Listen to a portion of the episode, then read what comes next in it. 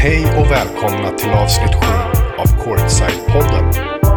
Att spela basket utomlands är för många spelare en dröm som av olika anledningar dessvärre aldrig kommer att uppfyllas. Men i dagens avsnitt har vi fått äran att intervjua en spelare som påbörjade sin karriär i Täby Basket för att sedan under flertalet år åka tur och retur mellan basketligan och diverse europeiska klubbar och ligor. Drömmen om utlandsflytten kan ibland bli exakt så magisk som man trott och hoppats på. Men lika ofta kan drömmen kantas av uteblivna löner, löften och speltid. Dagens gäst har inte bara två SM-guld på sitt CV, men också en handfull utlandsäventyr och en stor mängd landskamper under bältet.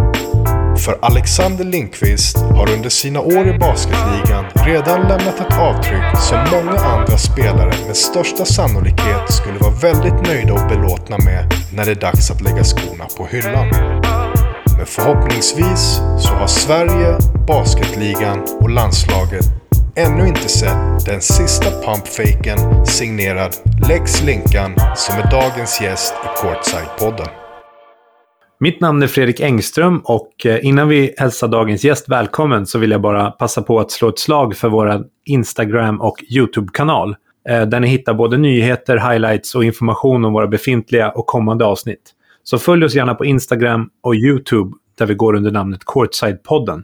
Innan jag drar igång den här intervjun skulle jag bara vilja säga stort tack eh, för att du tar dig tid att göra denna intervju med oss på Courtside-podden, Linkan. Inga problem, tack själv. Tack för att ni vill ha mig här. Ja, eh, du befinner dig på Island just nu, vilket vi kommer prata om lite mer senare. Men jag tänker att vi tar det från början. Yes. Eh, Du är född i Sundbyberg, men uppväxt i Sollentuna utanför Stockholm. Hur var det att växa upp där och hur gammal var du när basketen kom in i bilden? Jag trivdes bra i Sollentuna, jättebra.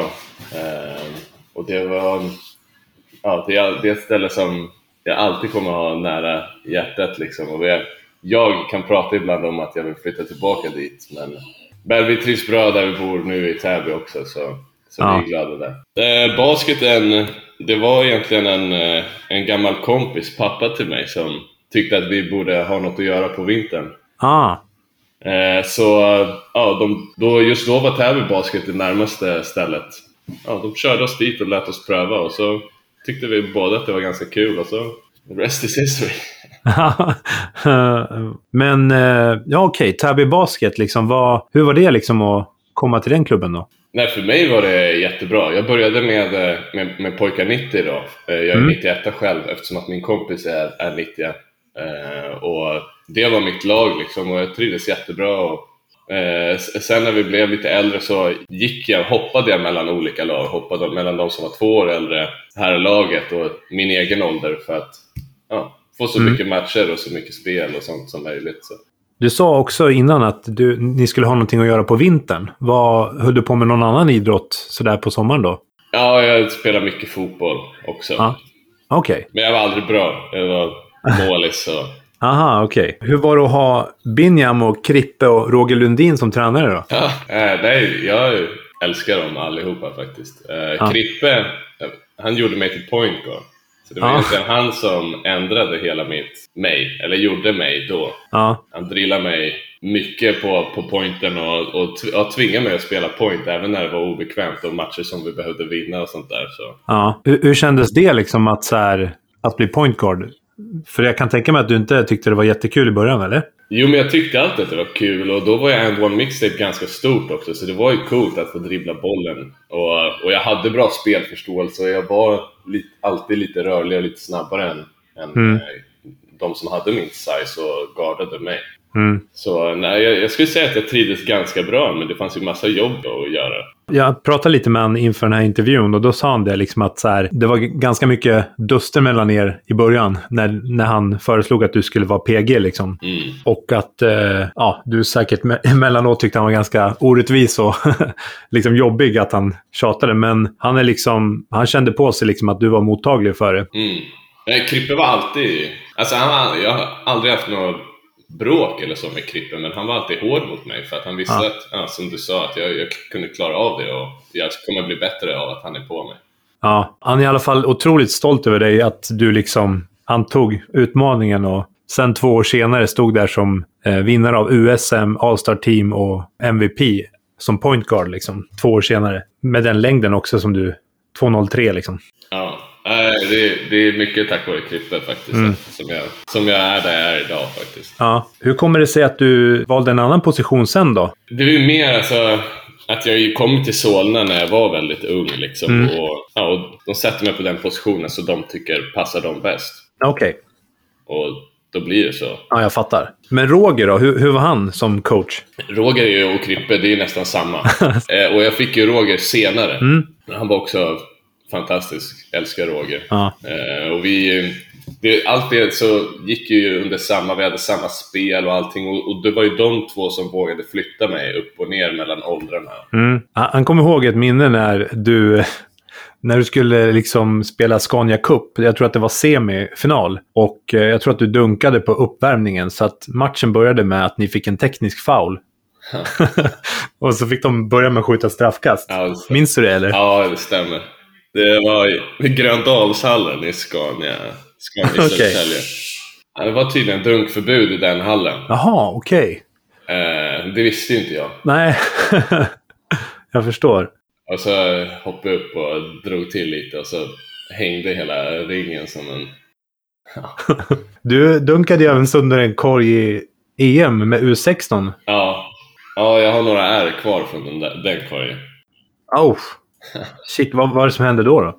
Nej, det var också en morgonträning. Vi skulle spela mot Finland på kvällen och så fick man feeling och gick upp och dunkade och så small hela plankan i miljoners med bitar. Och den regnade ju ner över mig för jag hängde ju kvar där som en... Oh, ja. Shit. Mm. Ja, det ser man. Och du fick alltså skador av det liksom? Ja, jag, fick, jag var på sjukhuset där i Skopje Mhm. och blev ihopsydd. I, hon, hon pratade i telefon faktiskt samtidigt som hon sydde ihop min axel. Okej. Hon hade liksom den fast mellan axeln och örat medan hon sydde mig. ja, okej. Ja, sjukt. Ja, det var riktigt sjukt faktiskt. ja. Eh, Men du, som 16-åring fick ju du möjlighet att åka ner till Spanien och provspela för Unicaja Malagas juniorlag. Yes. Kan du berätta lite om hur det gick till när du blev nedbjuden dit? Eh, vi var på den här Baltic Sea Cup eh, Ah. med U16-landslaget. Det var egentligen där det började. Så, ja, så var jag duktig där, jag och Andreas Persson. Så vi fick, en, vi fick åka ner där på sportlovet. Och, Mm. och sen så, ja, så blev de intresserade och de kom upp till Sverige och hälsade på och var på. NM och tittade när NM var i Solna. Träffade min familj och ja, gav, gav mig ett erbjudande där att åka ner. Men, men det löste sig aldrig. Nej, okej. Tyvärr. Och det var, det var aldrig... Jag ville åka men det blev aldrig så. Nej. Tyvärr. Var det liksom klubben som sa nej, eller vad, vad var det som hände? Nej, det var, nej det, var, det var mina föräldrar mer som Ah, de ville ha dig hemma. var oroliga. Mm. Ja. Men då stannade du kvar i Täby en säsong då? ja. För visst var det här året innan du började med, spela i Solna? Ja, precis. Ja. Men eh, i Täby då, där spelade du med Elias Desport där, eller? Absolut. Elias var en late bloomer. Och han, eh, han var ett år yngre än oss också. Så han, eh, Mm. han, han växt på sig sjukt mycket sen eh, vi spelade med varandra. Men Elias han tränade alltid hårt. Han var alltid i hallen och hängde. Och...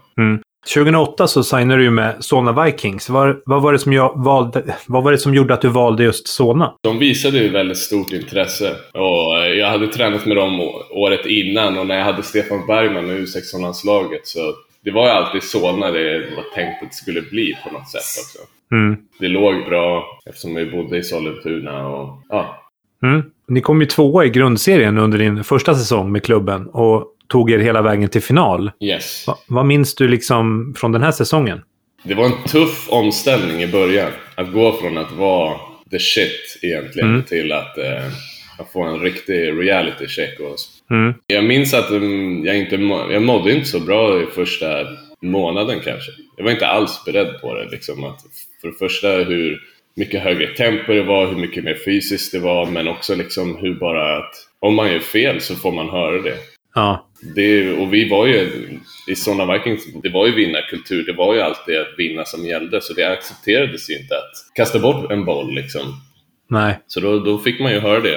Och det var ju inte alls van vid. Jag var ju van vid att få höra att jag var eh, så himla bra. Ni hade Pekka Salminen som coach va? Ja, Ja.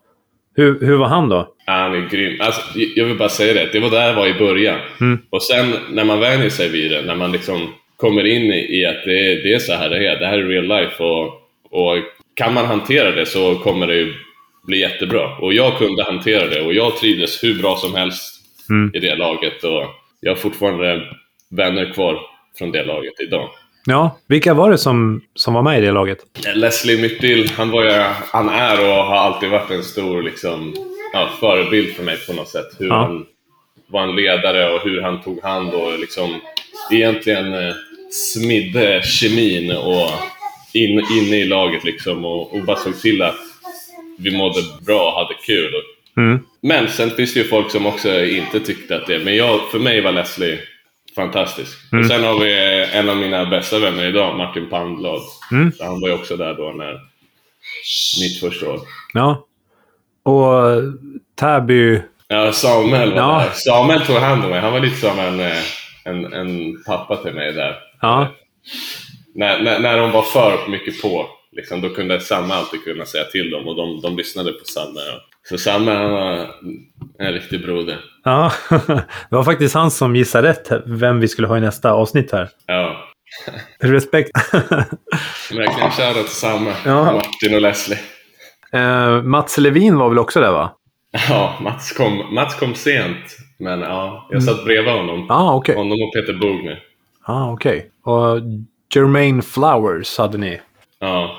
Jonte Joseph Taylor hade vi. Eh, vi var fyra unga killar, Ramme Haag och bröderna Persson. Ja, ah, just det. Vi hade en finne som var riktigt skön också, Johan Sten. Så var det. Men ni mötte Sundsvall Dragons i finalen. Ja, Och det var en riktigt jämn finalserie som slutade 4-3 till Sundsvall, om jag inte missminner mig. nej du minns rätt tyvärr. Eh, de hade ju Olivier Ilunga i sitt lag och Alex Westby. Hur, hur var det att liksom möta dem? Och de andra spelarna såklart också, men... Nej, de hade ju många bra spelare i det laget. Mm. Eh, skulle, för mig var det nog Liam Rush som var den, deras bästa spelare just då. Men Ah, okej. Olli drog i 6-3 där sista finalen och egentligen vann matchen åt dem. Mhm. Nej, det var ju en skitbra erfarenhet för mig och även om minuterna inte alls var i närheten av när jag spelade med B-laget eller när jag var i Täby så var det ju det extremt lärorikt och man växer ju otroligt mycket även om man inte spelar och bara får vara i en sån miljö och träna med det. Mm. sådana spelare och människor. Mm. Eh, men sen efter första säsongen sen, när ni, ni fick ut silver där, och vad, då kom väl Torbjörn Gerke in som coach va? Nej, vi hade en is... Det kom en islänning och så slutade vi med Wally Smith Mhm. året efter. Så vi hade Wally Smith. Så det var tredje året han var? Ja, tredje året då kom Gerke. Ja, ah, okej. Eh, Okej, och då även Olivier Ilunga på, din, på ditt lag? Yes. Ja. Men som sagt, du spelade ju tre år med eh, Solna Vikings och Solna Branten. Mm. Eh, hur skulle du beskriva de här tre åren liksom, med Solna? Eh, nej, jag, jag trivdes jättebra i Solna. Eh, jag var lite missnöjd sista året såklart, men det var man alltid. Eller inte alltid, men ja, jag, jag har för mig att jag var lite missnöjd efter sista året. Men jag trivdes alltid bra i Solna-branten, jag blev bra omhändertagen där också. Mm. Eh, och spelade bra och ja, det var liksom bara dags att lämna. På samma sätt som det var dags att när jag lämnade Täby så var det liksom, Ja. det var dags att byta. Eh, men vid det här laget så hade du redan spelat landslagsbasket med U16 och U18-landslagen. Mm. Minns du första gången som du blev kallad till en landslagssamling? Ja, det var faktiskt direkt eh, efter Micke Herkel. Eh, Ah. när jag, då var jag ett år yngre. Och så Mm. blev jag kallad av, det var Pontus Frivold som var coach då för pojkar 90. Eh, och så blev jag Ja. kallad, men, men jag tackade faktiskt nej. Jaha. Ja. Vad hade du andra planer? Nej, ja, min mormor var sjuk så jag, jag, jag åkte på en resa med henne. För hon var sjuk. Ah, okej. Eh, under dina tidiga år med landslaget, minns du några spelare i motståndarlagen som du tror att våra lyssnare känner till? Ja, U16 så mötte vi Litauen några träningsmatcher. Så, eh, vi spelade mot Valenciunas. När vi var i Albert så mötte vi Enes Kanter. Mm. Australien hade, den, vad hette de då? Della Vedova och, och säkert, alltså säkert massa NBA-spelare som inte jag har någon koll på. Men, men de som stack ut för mig, Enes Kanter och Valanciunas.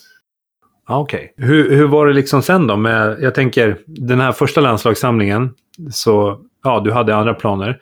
Minns du liksom första gången du dök upp liksom på en landslagssamling? Ja, eh, jag tror att det var uppe i Luleå faktiskt som vi hade ett U15-läger eller någonting.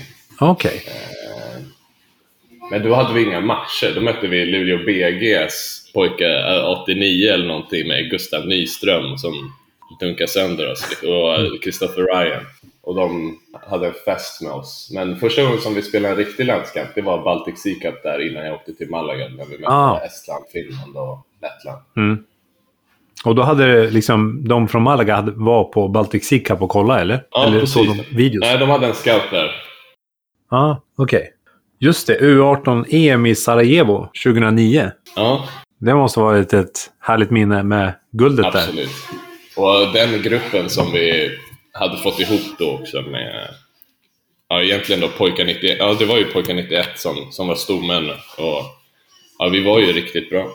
Och vi ja, lekte oss väl egentligen igenom hela det EMet. Och, eh, ja, nej, det var jättebra minnen på plan och utanför plan. Vi hade, vi hade skitkul. Det har ju blivit en hel del landskamper för din del och jag tänkte att vi ska komma tillbaka till det lite senare i intervjun. Men hur skulle du beskriva känslan när man får dra på sig landslagslinjet och gå ut och representera Sverige i internationella sammanhang? Nej, det är ju... Alltså det är skitkul. Jag älskar det. Um, ja. Det är liksom, det är inte bara ett, för sitt land heller. Det är liksom för för oss där, för alla man har känt och spelat med liksom. Och det är liksom för, för basketen som, har, som jag har kämpat för och representerat sedan jag var en liten kid, när man liksom bara älskade det, när det bara fanns det. Så det, mm. det, det är så stort och, liksom, och då blir det ju extra mycket när det är mycket publik och när det blir liksom att man hör nationalsången och står där och sjunger med. För mig är det gigantiskt. Ja, 2011 så lämnade ju du Solna för Södertälje Kings. Minns du hur den övergången gick till? Jag minns inte vad som sa så, så. Jag minns att, uh, att jag, jag spelade med uh, U20. Jag var med i U20-landslaget och och spelade med herrlandslaget där. Mm. Fyra matcher eller någonting och sen så signade jag med, med, med Kings med Vedran. Vedran hade bra koll på mig då också. Han såg mig i någon skolmatch. Okej. Okay. när, vi, när vi vann mot uh, Södertälje där. Ja. Igelsta gymnasium. Vi var Tibble och, och vi, ja, han coachade Igelsta då. Okay. Så då såg jag mig och sen dess liksom var han på mig varje gång han såg mig på ett landslagsläger. Varje gång han såg mig var han på mig. Han ville att jag skulle spela för honom och, och det blev ju så till slut också. Mm. Vilka spelare fanns i truppen när du kom till Södertälje då? Viktor Grente, eh, Adnan Chuk, Dino Pita, Mike Joseph. Eh, vi hade Jonel Smith, mm. Kenny Sims. Tobias Borg Tobbe Borg såklart. Ja. Vi satt bredvid varandra i omklädningsrummet. Ja. Eh, och sen hade vi Martin kom året efter, Palmblad ja. från Luleå. Ja, en grym trupp. Verkligen. Vi hade ett sjukt bra lag. Ja. Hur var det att spela för Vedran Bosnic då? Det är den bästa tränaren jag har haft skulle jag säga. Mm. Eh, han är egentligen den som har lärt mig taktiskt och liksom, de andra tränarna har, har kanske utvecklat mig mer individuellt än vad Vedran gjorde, men Vedran gjorde mig så att jag förstår spelet, eh, kan läsa spelet mycket bättre och all spelförståelse, all video vi tittade och hur han bröt ner allting. Och... Mm. Hur, hur, såg hela, eller hur såg själva konkurrenssituationen ut när du kom dit? Liksom? Var det många spelare som krigade om samma position?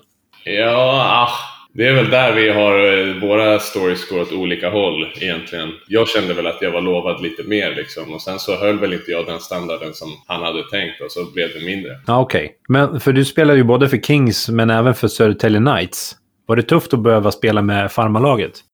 Nej, jag och Tobbe gick ner en eller två matcher med Knights för att de behövde vinna två matcher. Aha, okej. Okay. För att vara kvar i Superettan. Ah, det var så det var. Mm. Där i Södertälje, just det. Eh, kanske den som eh, jag har tagit min move av var ju där såklart. Tony Bisaccia var ju där. Du menar din pumpfake? Exakt. ja. Nej, Busy, att, att, bara att få träna med honom var magiskt. Mm. Sakerna han kunde lära en att, att är något som ingen coach någonsin hade kunnat lära mig. Det, bara att titta på Busy och, och försöka göra de moven och konstiga grejerna han gör. Det... Mm. Men när vi är inne på din pumpfake, vad är liksom Vilken skulle du säga är den tyngsta du har gjort av alla som du har lurat med den? Eh, Har du någon favorit? Alltså någon person jag har lurat eller? Nej, men jag tänker just den snyggaste pumpfaken du har gjort typ. Jag, vet, jag får ju alla på den där så jag vet inte. Alla är fina. Ja, det är så jävla många. Det går inte att välja ut en då. Ja, nej. Det är faktiskt ganska många. Det som är jobbigt med den är att den funkar inte. Då är den ju skitdålig. Om, den, eh, om de inte hoppar då är den ju... Då står jag bara där och ser dum ut. Ja. Men det har ju blivit ett par genom åren. Vi har ju en på vår YouTube-kanal. Jag vet inte om det Mm. var mot Holland, va? Har jag för mig. Ah. Du och Ramstedt gör en jävligt snygg. Okej. Ja. Jag kommer inte ihåg. Nej, okej. Jag är inne här och kikar nu. Jag ser. Ja. Eh, Nej, men jag, har, jag har haft några och jag, jag tror jag hade någon mot Lettland med landslaget som var ganska nice. mm. Någon i Uppsala Ja, just jag. den i Uppsala är ju grym alltså. Mm. Jo, vi har ju som sagt en pumpfake som du gjorde mot Nederländerna i EM-kvalet här senast i tj- äh, 2020. Ja, just det, just det, just det. I november där. Ja, men precis. Ja, ja, ja. ja. Den var ju riktigt en personlig favorit för mig. ja den var också nice Ja, faktiskt. det är sjukt hype av kommentatorerna där också. Alla i hela världen går på den där. Ja, den, den funkar faktiskt väldigt bra. Mm. Eh, är det, är det, känner du att det är många som liksom har lärt sig att du alltid kör den, eller? Ja, alltså hemma då, då slutar det ju nästan fungera. Vi spelar ju fyra matcher mot alla lag och, och det blir liksom att nej, låt han skjuta över istället. ja, jag fattar. Eh, men landslag är fortfarande kanske några som Ja, inte... landslag då, då eller liksom när man kommer in i nya ligor eller något sånt här. Mm. När folk inte vet riktigt. Då brukar det funka riktigt bra. Eh, nu ska vi se här. Just det, första året när du kom till Kings så gick ju ni till final igen. Eh, Mm. Och eh, den här gången så fick ni möta Norrköping Dolphins som vann grundserien. Ja, Och de hade bland annat Andrew Mitchell, Micke Lindqvist, Fred Drains och Dolphins nuvarande coach Mikko Rippinen och sen Mm. Dia Juba som tyvärr inte finns med oss längre. Eh, det här laget, liksom, hur var det att möta dem? Nej, de, de var väl stora favoriter där, om jag inte minns helt fel också. Mm. Eh, och jag minns det som att det var väldigt jämnt. Mm. Och eh, vi, eh, jag vet inte om det var i match 6 eller 7 som vi förlorade, men vi alla var väl bittra och kände väl direkt efter liksom att nej, vi ska vinna nästa år. Mm. Och vi hade väl i stort sett kvar nästan hela laget eh, till året efter när vi, när vi slog Sundsvall och vann istället. Ja. Hur skulle du beskriva liksom, din roll under det året med Kings? Året ni vann alltså? Alltså, på planen ganska lite. Eh, jag tror att en tio minuter kanske in och kämpa, kriga, använda mina fouls och Mm. ja, byta ut igen. Så om man vill vara med lag som vinner och, och, ja, då, då, då får man sin roll och om du kan göra den bra då kommer ni ju vinna. Liksom. Mm. I alla fall om man har så bra coach som, som Vedran.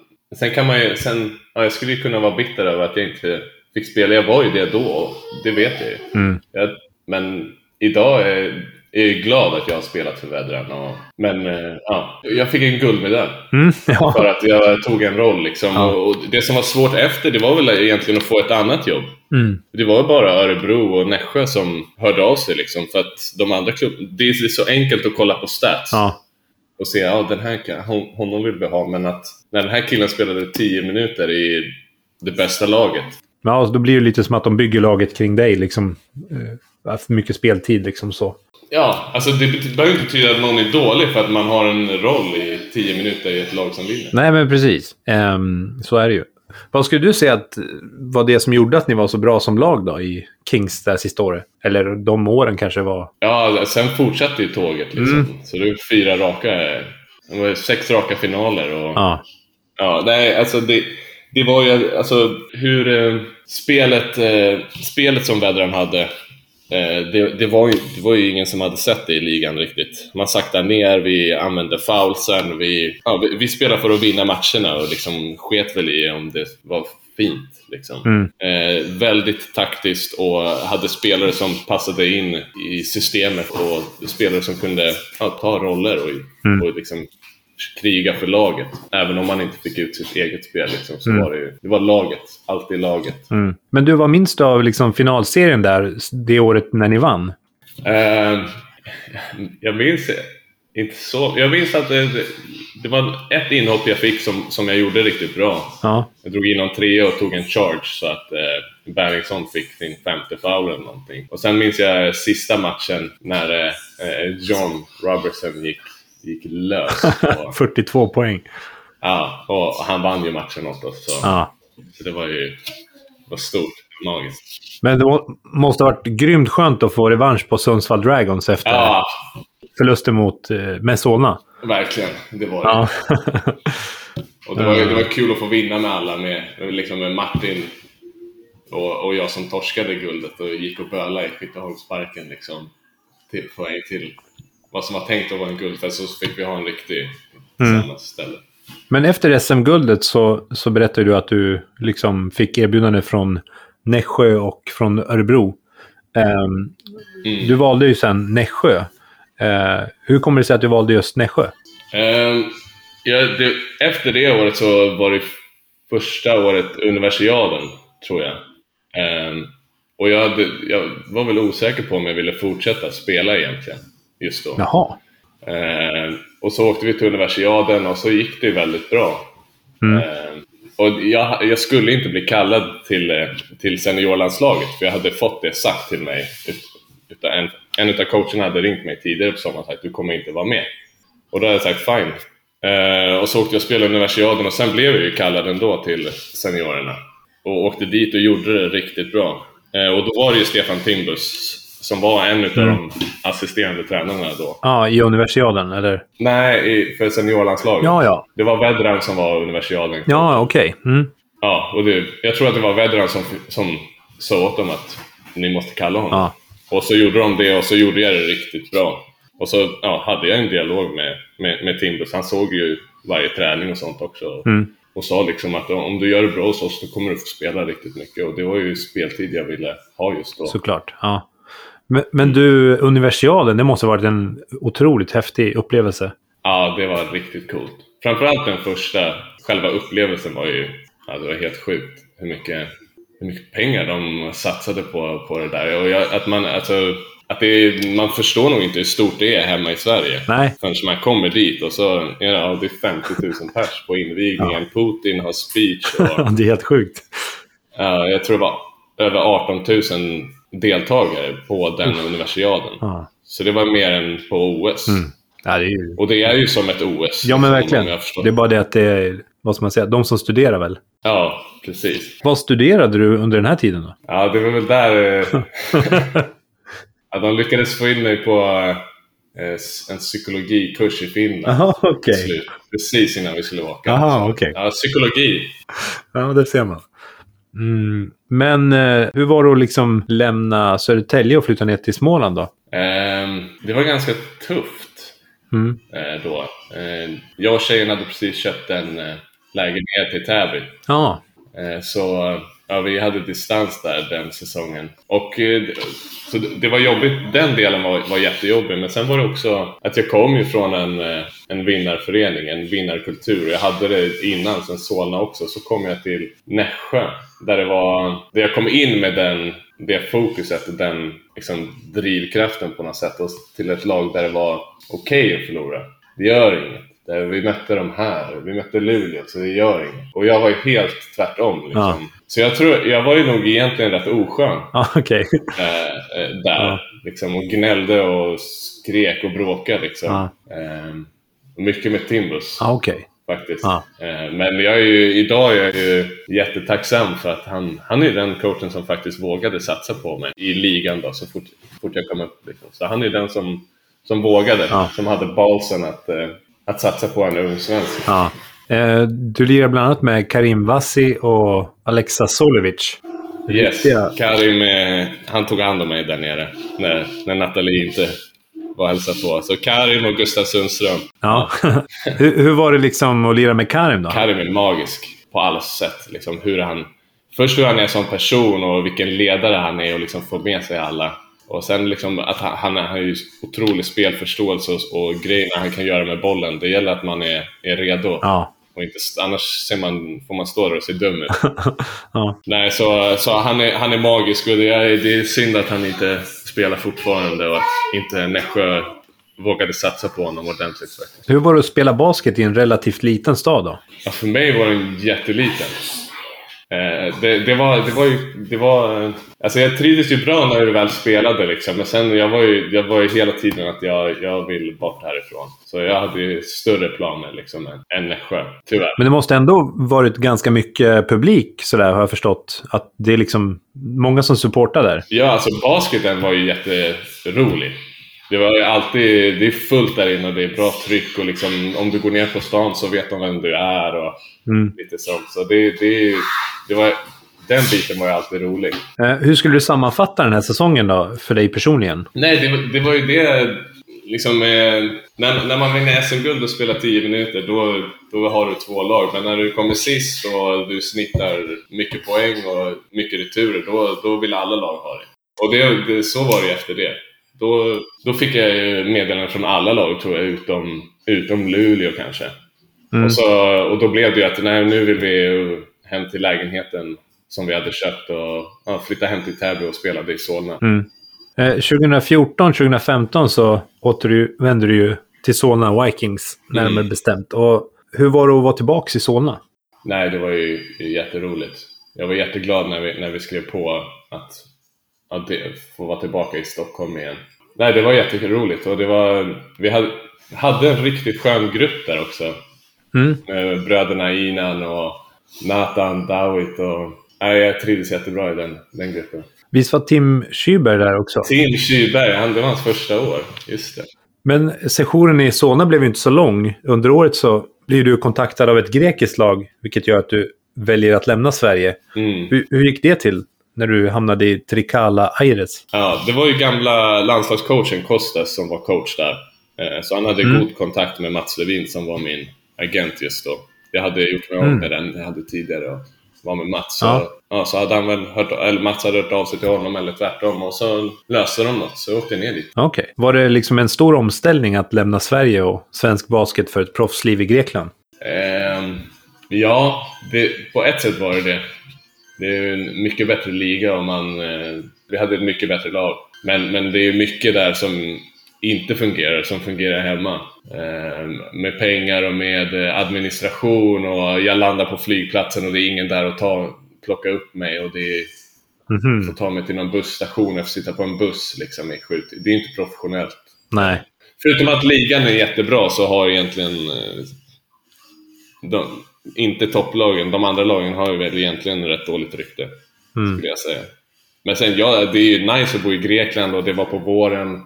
Det är bra mat, solen kommer fram där och, och får spela basket. Så får man chansen att åka till Grekland och är redo att eh, inte få med sig alla pengar, då ska man ju åka dit. Men vad tyckte du var svårast med att spela utomlands där då? Eh, Det, det är alltid svårt att, att gå... eh, Jag gjorde samma misstag två gånger. Att man åker till ett lag som har varit med varandra i åtta, nio månader och så ska man komma in där och, och ta en Mm. plats. När laget egentligen redan är klart. Ah. För att komma in och ta en plats då, det, det, det är jättesvårt. Jag rekommenderar ingen att göra det om man inte får liksom förlängt, att det är liksom plus ett år eller att det är tvåårskontrakt eller att man vet att man, att man är liksom garanterad. Man får garantier liksom. Mm. Hur skulle du jämföra spelkvaliteten då mellan basketligan och spelet i den grekiska första ligan? Det är stor skillnad. Du, du möter ju topplag i Europa och det är, det är fysiskt, det är tufft, det är eh, taktiskt och egentligen generell... Det är, jag skulle säga att det är många svenska spelare som skulle kunna spela där men, men overall, liksom, om man går från position till position, 12 spelare, så är det en mycket bättre liga. Mm, jag förstår. Och själva språkbarriären då? Var det svårt att försöka förstå allt som händer när man inte talar språket? Nej, det blir mycket engelska och det är... Vi hade många som pratar engelska i laget också. Okej. ja, så grekerna skulle jag inte säga, de var ju ganska duktiga på engelska faktiskt. Ja, okej.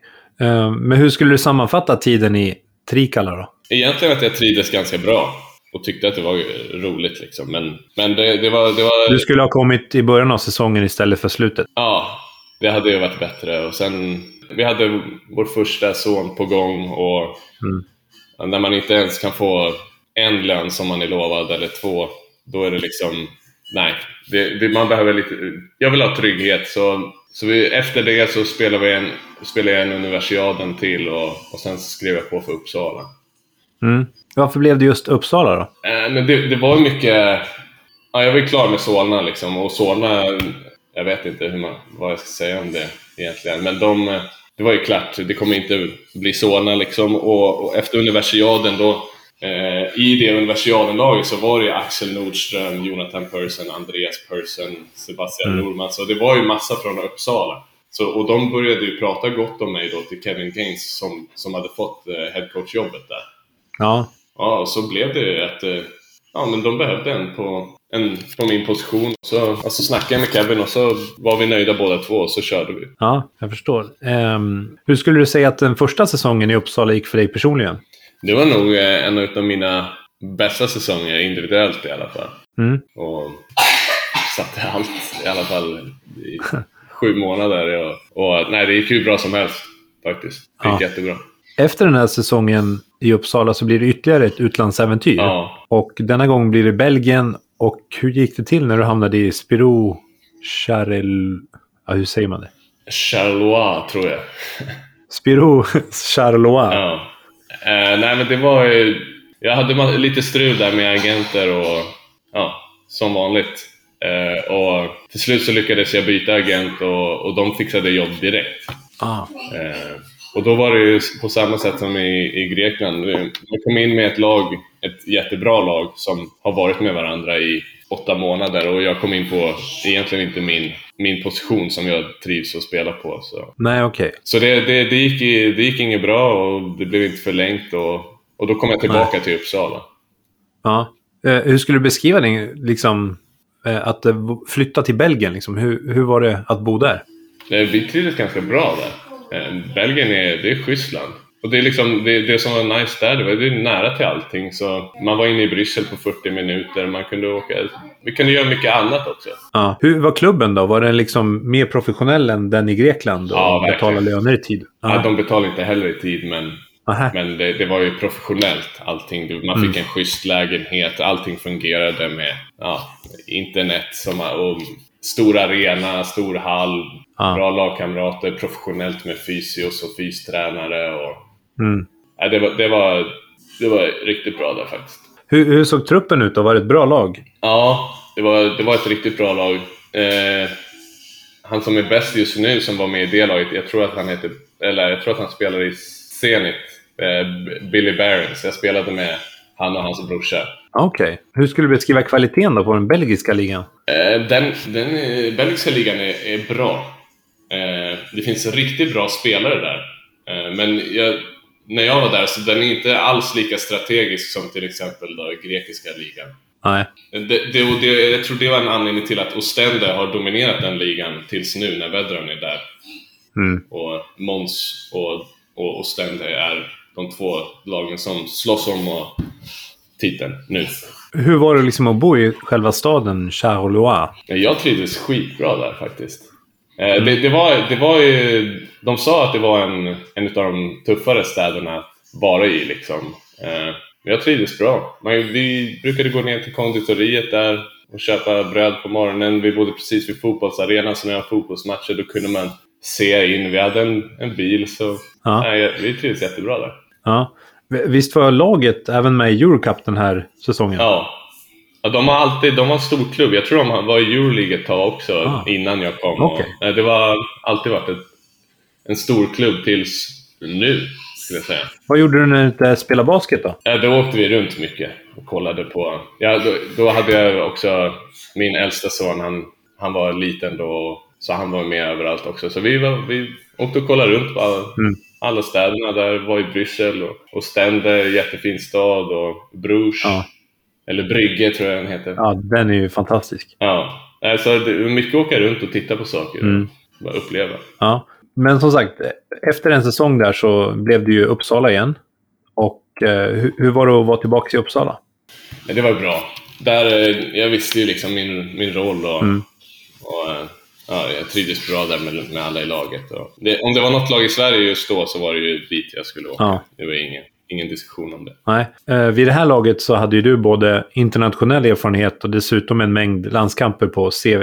Mm. Hur skulle du beskriva den Alexander som tog sitt första SM-guld med Kings jämfört med den Alexander som hade återvänt till Uppsala efter utlandsäventyret i Belgien. Nej, det var ju stor skillnad. Då var jag ju en spelare som skulle spela. Jag är ju etablerad, alltså väldigt etablerad i, i ligan och Mm. även i landslaget. Eh, så nej, det var ju, st- jag var ju mycket bättre spelare då. Ja. Eh, Du stannar kvar i Uppsala säsongen ut och sen är det ju dags för din andra session i Tälje. Hur kommer det sig att du återvänder till Kings? Ehm, jag hade en knäoperation den hösten och jag var inte, var inte sugen på att åka iväg på något så här halvdant liksom. Och jag visste om jag signar med, med, med Ludde i Kings så han, Ludde vet vad jag, att jag har haft en operation, han kommer ge mig tid att komma, komma in i det igen. Och Mm. Gruppen liksom som, som var där med, med Martin som lagkapten. Ja. Så det, det, kändes, det kändes bara bra att, att signa med, med Södertälje igen och, och få bo hemma i, i Stockholm, i Täby. Mm. Men du kommer ju liksom till ett starkt Södertälje Kings och sådär. Eh, hur skulle du beskriva spelartruppen som du anlände till inför säsongen 2018-2019? Nej, laget vi hade var ju skitbra. Ja. Och, och ja, vi fick på samma sätt som när vi, när vi vann första året med Södertälje så fick vi behålla en stor del av truppen. Mm. Hur såg din roll i laget ut då? Nej, jag skulle säga en ledande roll. Mm. Eh, och jag är duktig på att prata och ta mycket ansvar och inte säga till vad vi ska göra, men oftast på ett bra sätt. Ja. Ibland på ett dåligt sätt också. Men ibland så måste man ha en, ett asshole som är på. Liksom. Ja. Ja, det var jag bra på. Det, det var min roll mycket där. Och sen att jag, jag tar mycket minuter också. Och, och jag och Busy delade mycket minuter. Och, Mm. och vi har olika styrkor och gör saker som han, han kan göra mycket bättre än mig. Det, vi kan liksom ändra matcherna när, beroende på vem som kommer in och, Mm. och spelar. Så nej, en stor roll hade jag, Ja. skulle jag säga. Nej, det var en, en av de roligaste säsongerna jag har haft. Gruppen som vi hade, vi hade kvar många spelare från året innan. Eh, Martin, Mario, eh, Austin Barnes och ja, ja, flera andra som jag säkert missar nu också. Walter Lindström och Mm. Henke och Adam Ramstedt. Nej, vi hade skitbra, skitbra lag och riktigt bra kemi. Och har man kontinuitet och kan ha kvar de sakerna, då har man sparat mycket tid och huvudvärk. Mm. Liksom, och det, det gjorde vi. Ja, och dominerade ligan det året. Ehm, vad var det som gjorde att ni blev så pass slagkraftiga den här säsongen då? Eh, Dels så hade vi ju så vi kunde byta in och, utan att gå ner i nivå. Och sen kom Jonathan sent Ja. också eh, och förstärkte ännu mer. Så guardpositionerna i försvar var, vi var riktigt bra där. Eh, Så Jonathan, Martin, Mario. Ja, vi hade riktigt bra guardförsvar med, med och vi var, vi var rutinerade, Mm. vi var erfarna, vi, vi var... Ja, det var därför vi dominerade också. Mm. Ehm, vad minns du av slutspelet då? Jag minns att vi, ja, vi, vi cruisade igenom kvartsfinalen och, och eh, så mötte vi Jämtland, deras första semi. Mm. Och ja, jag jag minns det som att vi dominerade dem också, även fast vi torskade två matcher. Men det kändes aldrig... Jag minns inte att det var så oroligt. Nej. Ja, men ni vinner i alla fall SM-guld igen och det blir ditt andra guld med Kings. Är det något av de här två guldmedaljerna som betyder mer för dig personligen än det andra av någon anledning? Eller är båda lika värdefulla i dina ögon? Båda är ju värdefulla, men det, det var ju... Det andra guldet var ju, var ju roligare. Det, för att det, det är roligare att ha en större roll liksom Mm. och, och få ta mer ansvar. Och, så nej, jag skulle, för mig var det andra guldet. Mm. Och, och framförallt efter... Ja, jag fick ju vara med och sköt oss till vinst i match tre och Mm. lite sånt där. Så den, eh, det var ju... Det är alltid kul när man får ha en stor roll och, och vara med och vinna. Men det är absolut... Hade jag haft en liten roll och vi hade vunnit hade jag varit glad också. Ja. Det är inget snack. Nej, jag fattar. Eh, Men efter guldet med Kings så blir det ju ytterligare en vända utomlands. Ja. Och den här gången väljer du att skriva på för CB Baja San Agustin. Eller BTTB Mallorca Palma som klubben numera heter. Ja, Eh, De spelar ju i den spanska andra divisionen. ja. Kan du berätta lite för lyssnarna om hur det gick till när du signade för Mallorca Palma? Ja, det, jag var ju nära på att resigna igen med, med Södertälje, men sen utav olika anledningar drog det ut på tiden och så bytte jag agent under den tiden igen. Och, och, Mm. och det var samma agent då som Hugo Lopez eh, har. Så Hugo, Mm. jag tror att Hugo pratade bra om mig och, och, och så fick de fram det här av jobbet på Mallorca som, Mm. som vi blev jättesugna på att ta. Så ja, vi signade. Ja, som namnet antyder så är det ju en klubb från Palma på Mallorca och jag misstänker att den geografiska biten inte var en nackdel när ni gjorde ert val. Nej, När du gjorde ditt val. Nej, verkligen inte. Eh, alltså Mallorca, är- det är, det är magiskt. Om, eh, om man får chansen att bo där, då, då måste man ta den. Mm. Det är en av de bästa platserna jag har varit på. Jag hade gärna åkt dit igen. Ja. Hur var det att komma in i omklädningsrummet då och träffa lagkamraterna för första gången? Nej, det var ju... Det, det var nice. Eh, Bra, sköna grabbar liksom. Sen hade jag Johan Lövberg med mig också, så vi var ju två Ja. svenskar dessutom. Ni lär ju ha spelat i landslaget ihop en del, men ni kanske inte kände varandra så bra innan Palma? Nej, vi lärde, nu lärde då lärde vi känna varandra jättemycket. Var bra liksom, och vi umgicks. Ja. Och jag minns att första tiden där så var vi inte ens på Mallorca. Vi hade försäsong i Madrid i 14 dagar eller något, så då delade ju jag och, och, och eh, Johan rum.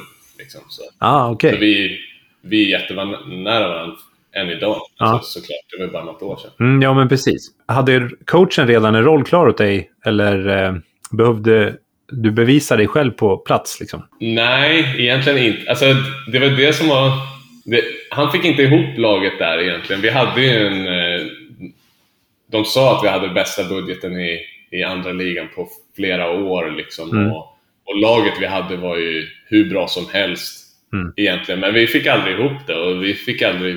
Jag tyckte aldrig att vi var nära 50% av vår potential. Men okej. Kan det ha att göra med att ni hade för många bra spelare? Liksom, eller? Nej, jag, tyck, jag, tycker att det, jag tycker att det var på coachen faktiskt. Jag tycker att han eh, borde ha gjort ett Ja. bättre jobb med det materialet vi Mm. hade. Det var, det, var en, det var också en eh, grym grupp som vi hade med jättebra lagkemi, och, men vi fick inte till det på plan. Nej, okej. Hur kunde en typisk vecka se ut då med Mallorca-Palma? Ja, det var... Längtar tillbaka till de veckorna. Nej, men det var... Vi hade eh, båda kidsen på förskola där. Eh, och de trivdes jättebra. Eh, och, ja, vi tränade en gång per dag, så vi tränade oftast... Kanske, vi brukar ha en... Det blev lite mer långpanna liksom. Vi hade väl 11 till 2 kanske. Och sen var man klar för dagen. Ja, Alltså drog man och käkade med någon i laget, med Johan Mm. och, och tjejen och sen åkte vi och, och hämtade upp barnen. Mm. Det, alltid, det är soligt, shorts, t-shirt och mycket, mycket Birkenstock. ja. Men liksom, hur gick det under säsongen då? För var ni typ topp fem och sådär i alla fall? Eller? Ja, vi, vi var topp fem, men, men förväntningarna var att vi skulle vinna varje match. Ja, De, vi, vi borde varit etta ja okej. och som sämst tvåa. Ja, och det var ju kanske på grund av budgeten då som att de hade så mycket pengar och satsade på att gå upp det här året liksom. Ja, men budgeten och, och, och spelarmaterialet, spelarna vi hade. Ja. Jag har hört att liksom det läckte ut ganska mycket i pressen om det här att ni hade ganska höga krav och liksom de gick ut med någon lista typ om att vissa spelare skulle bort från klubben. Det blev en shitshow och alltihopa egentligen. Ja, För vi bytte namn det året för att vi hade en... eh, Det här är ju bara min sida av storyn, så Ja. jag kan ju inte allt egentligen. Och, men, alltså... Den gamla presidenten, han som grundade det, han, han var ju kvar och så fick vi in en till president, för det var han som gick in med alla pengar det här året. Och det var därför vi hette Be the Travel Brand Mallorca, för att det var hans som gick in med jättemycket ah, deg liksom. fattar. Och de kom inte överens och alltså de, det var massa intern politik och sen när det var snack om att coachen skulle få ryka för att den ena presidenten ville ha bort honom för vi hade torskat tre i rad.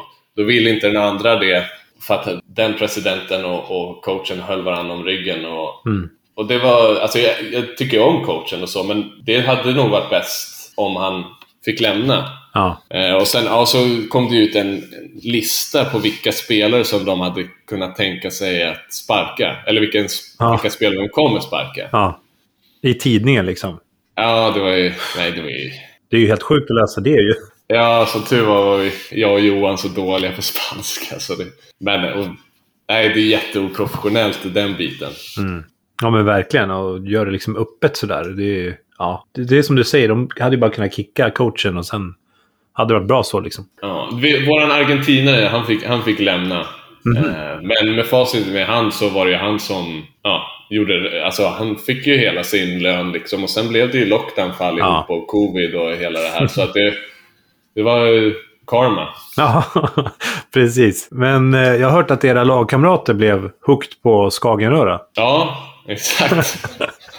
Det blev det. Ja. Vi, vi, vi hade ju jättebra lagkemi där. Mm. Och eh, det, det var mycket tack vare en av amerikanerna som han var så grym på att fixa och styra allting. Så, ja, vi hade nyår tillsammans med laget och sånt där. Så när han fixade, när han styrde ihop någonting, då var det alltid liksom att ja, men ni tar med er något svenskt, ni tar med er något från den här delen Ah. av Spanien.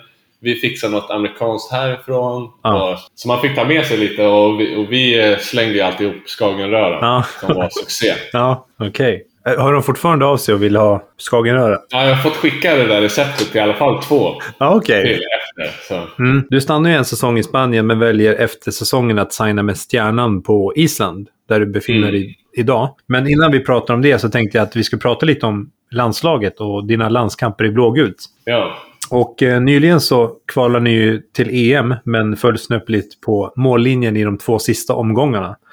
Det måste Mm. ha varit väldigt tufft. Ja, det, det är det absolut. Det är alltid tufft att, att förlora Ja. med landslaget. Tyvärr händer det så ofta. Så. Eh, nej, så det är... Jag vet inte vad man ska säga liksom. Vi, vi, har, vi Jag vet inte, vi har kanske en dålig, dålig kultur där på, på ett sätt. Liksom. På ett Mm. sätt har vi skitbra för att vi har bra lagkemi och det känns som att alla, jag tycker i alla fall det, Mm. alla tycker det är kul att få vara med och Mm. och liksom, man vill vara med där för, för att få bara vara med gruppen. Mm. Eh, men men vi har, vi har kanske en dålig kultur att vi, vi inte får med alla. Att vi, ibland är det, passar inte att vara med. Nej. Och det är någonting vi måste ändra på. Mm. Och vi måste hjälpas åt allihopa. Att eh, Mm. Vi vill vara med här. Vi vill eh, spela med varandra och bara lyckas med det laget. För att det är så jäkla skönt och härligt lag som vi har. Så Mm, verkligen.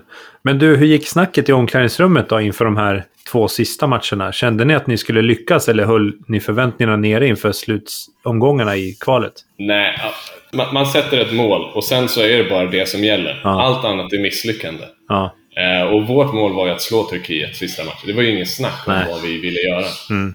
Och det, det var ju alltid så. Ja. Och sen, eh, ja tyvärr. Mm. ja. Men med facit i hand då, känner du att ni taktiskt sett skulle ha gjort någonting annorlunda? Jag vet inte, det är alltid lätt att sitta efter och säga. Ja. Eh, men nej, just då, där och då så gjorde vi väl det som vi hade tänkt. Och, Mm. och, och de var väl bara bättre än oss den dagen. Men när du ser tillbaka på liksom hela din karriär med landslaget, så här, vilka samlingar och vilka matcher minns du bäst? Ja, alltså Globen-matchen är ju magisk. Ja. Den är ett av mina bästa basketminnen. Ja. Ja, Jag var faktiskt där och såg den på plats. Det var fan lätt ett av mina också. Så häftigt att se. Ja, nej, det var magiskt.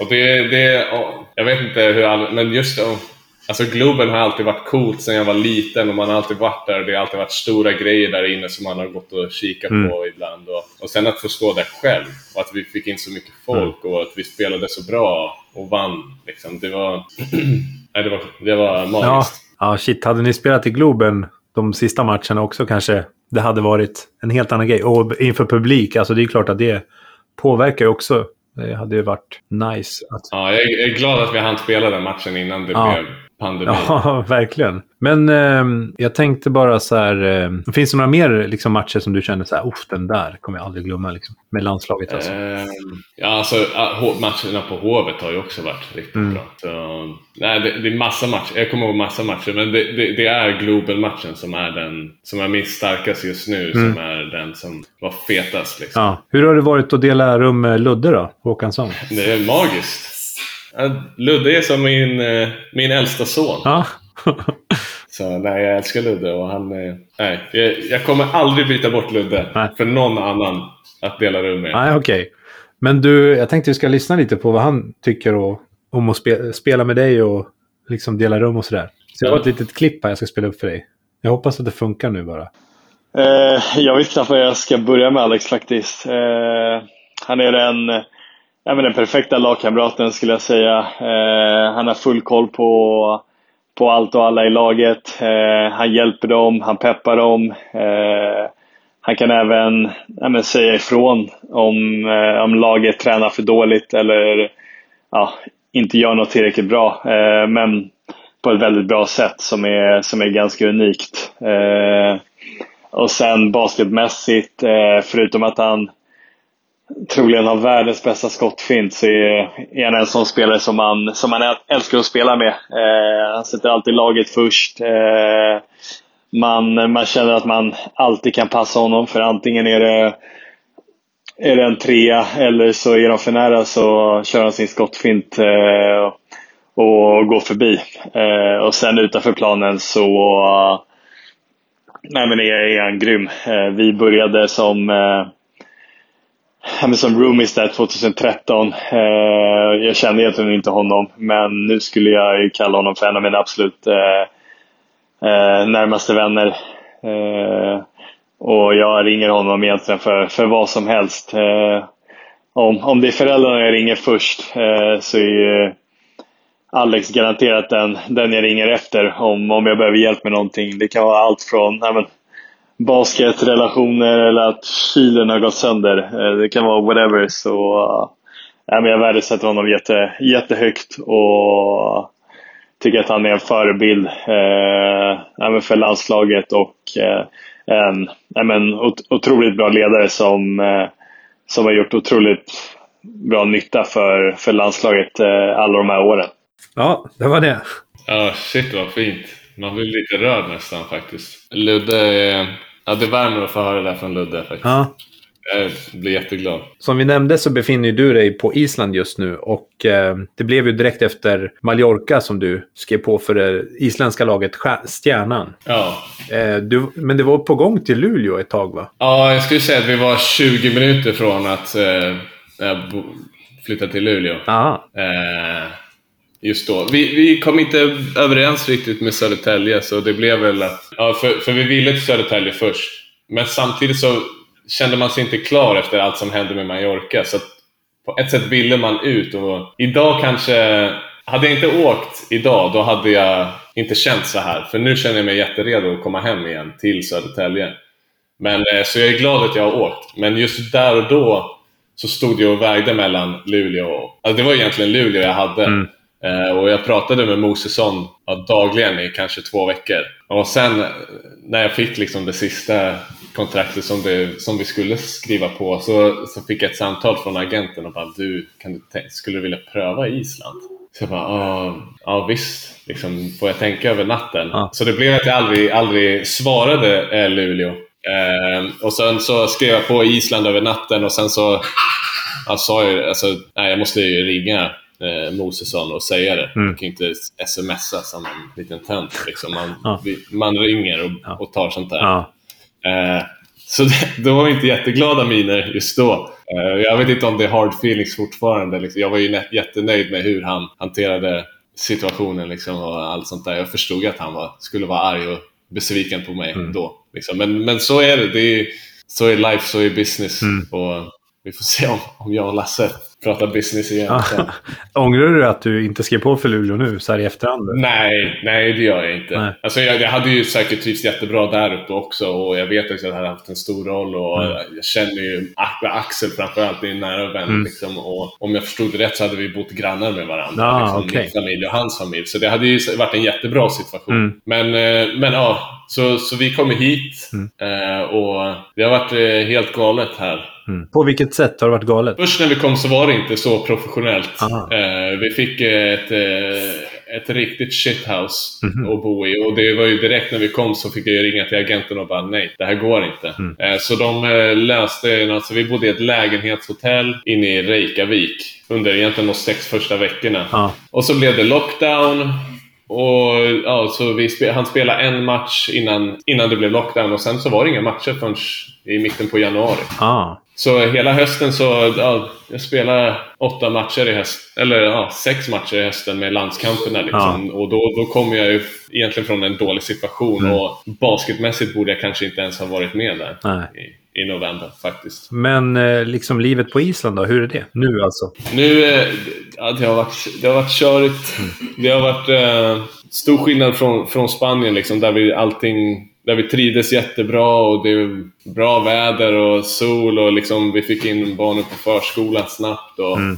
Men det är skillnad här. här. Här om du ska ha in barn på förskola, det är liksom som hemma. Du måste, skriva, du måste utvandra från Sverige, invandra här, skriva in dig och stå i kö och, och sådana här grejer. Liksom. Okej. Och I Spanien, då är det, om du vill att barnen börjar på en förskola, då betalar du 200 euro till Rektorn Cash och sen så är det klart. Så Ja. börjar de imorgon. Ja, jag fattar. Enklare på det sättet, men det här är ju väl långsiktigt mycket mer fungerande. Och, Ja. ja, så blev det lockdown igen då.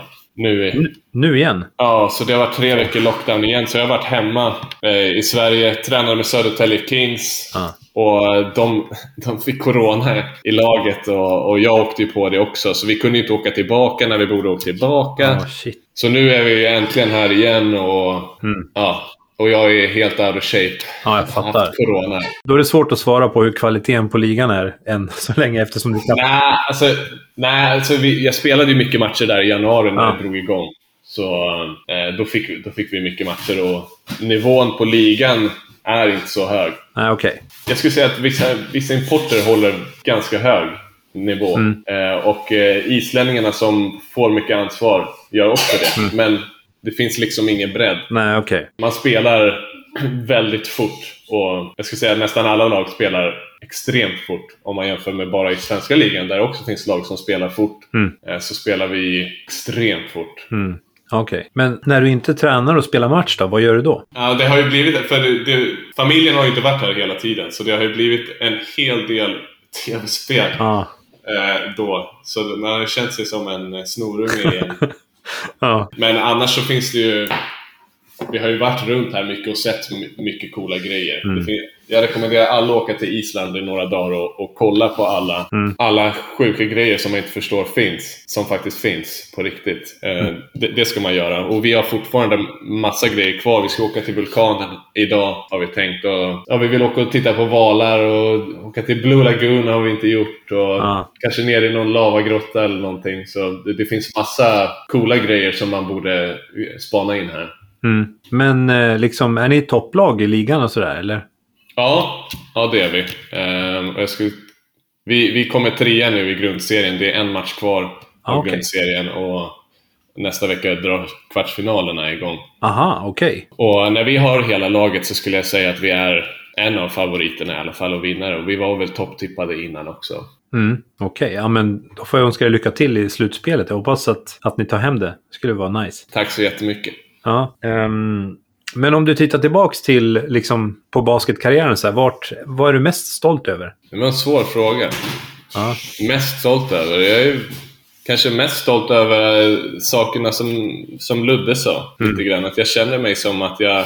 En, en, en ledare som kan prata med, med de flesta och inte bara gulligull. Liksom, vi kan faktiskt vara raka med varandra och säga till liksom, utan att det blir personligt på något sätt. Liksom, Sätter laget före och allt för att vinna. Liksom. Och det är nog det jag är mest stolt över. Sen är jag ju såklart stolt över alla landskamper jag har gjort och hela, hela resan från att man var liten liksom och hade mål. Ja. Och, ja, det, det, jag har inte ens tänkt på det där. Nej. Alla vänner man har träffat och fortfarande har, och det är ju ens bästa vänner idag också. Det allt det är ju från basketen liksom. Ja. Och alla, alla ställen man har fått åka och se och uppleva. Och Mm. spelare man har fått spela mot från alla möjliga länder. Liksom. Så det är egentligen hela upplevelsen mer än prestationen. Mm. Det väger faktiskt tyngre. Ja, okej. Eh, Liksom, vilka spelare skulle du säga är de absolut främsta som du har spelat mot? Alltså, det, det är nog mer spelarna jag spelat med. Ja, okej. Vilka skulle du säga då? då? Nej, men alla vännerna jag har, Martin Palmblad, Ludde Håkansson, eh, Jonathan Persson, Andreas Persson och eh, jag missar ju hur många som helst nu liksom. Men Ja. Karin Wassi, Samuel Desport, Mike Joseph, en av mina bästa vänner. Och bröderna Gaddefors och alla coacher och Kevin Gaines och Vedran Bosnic och Wally Smith och Pekka Salminen och Stefan Timbu som vågar satsa. All, alla liksom nätverket av eh, vänner och Ja. Ludde Degernäs måste jag säga. Alltså, det finns hur många som helst. Ja. Ehm, men eh, finns det någonting som du ångrar liksom, från din karriär? Eller något som du skulle ha gjort annorlunda? Du pratar ju lite om det här med att inte komma in sent i ett lag, men finns det något mer? Jag, om jag ångrar något. Det hade, jag hade velat komma ut ordentligt tidigare. Mm. Och ka- kanske, om jag önskar att jag hade haft de här agenterna mycket tidigare och, och faktiskt fått okej jobb ja, i till exempel andra ligan i Spanien eller tredje ligan i Spanien. Ibland handlar det bara om, om att komma ut liksom och, och hamna i en bra situation där man trivs med laget och man trivs utanför. Det, det hade jag önskat att jag hade gjort. Att jag hade kommit iväg tidigare och med en bra situation för mig och, och min familj. Eh, framtiden då? Vad har du för planer för framtiden? Just nu är jag sugen på att, att komma hem till Kings. Mm. Jag pluggar halvtid också, ekonomi. Det finns en, en kurs i Mittuniversitetet som Mm. är för elitidrottare på halvfart. Så Ja. den passar, passar skitbra just nu. Ja, jag har sett att det är väldigt många som har börjat med det. Alltså typ många universitet och sånt. Och det är skitkul utveckling. Att man kan göra det parallellt. Ja. eh, Sen är det inte alltid kul heller, liksom, men, men det känns ju mycket bättre att ha något att göra mellan. Om man spelar hemma i Sverige så tycker jag att man ska göra någonting emellan. Och om, om inte ditt fokus är 100% och att du faktiskt lägger ner ditt, ditt allt. Liksom. Alltså, man har tid att läsa en bok och skriva sju sidor. Det finns tid för det. Alla har den tiden. Och jag rekommenderar alla att göra det också. Finns det någonting som du känner att vi har missat att prata om? Eller som du skulle vilja nämna i vår podd? Nej, egentligen inte. Ehm, du, du är många frågor jag inte alls hade förväntat mig skulle komma. Liksom, och background checks med Krippe och Roger och Ja. hela den tiden. Liksom, och en stor shoutout till min pappa också som alltid har kört mig och ja, än idag liksom är ett av mina största fans. Ja, vi pratade lite igår om att trycka upp den här covern på en mugg och en t-shirt. Ja, Det ja exakt. kommer bli asfett ju. Ja, det Så blir perfekt. Den, eh, den ska han ha. Är det någon som lyssnar här så är det bara att hojta till i, i DM på Instagram om ni är sugna på en sån. Exakt, lite merch. Ja. Lite Lindqvist-merch. Ja. ja, men som sagt, vi är sjukt glada och tacksamma att vi fick göra den här intervjun med dig. Och jag tror att våra lyssnare kommer uppskatta att du tog dig tid att berätta om din karriär för oss på Courtside-podden. Och jag vill bara önska dig stort lycka till i framtiden och tack som fan. Tack själv, tack för att jag fick vara med. Och, och, ja, hoppas att fler vill vara med. Och, om, eh, om det är spelare som behöver hjälp med någonting så kan man skriva till mig och jag kan försöka hjälpa till och göra allt jag kan för att göra någonting lite, lite bättre. Mm. Det är bara att hojta på Lex Linkan på Instagram. Exakt.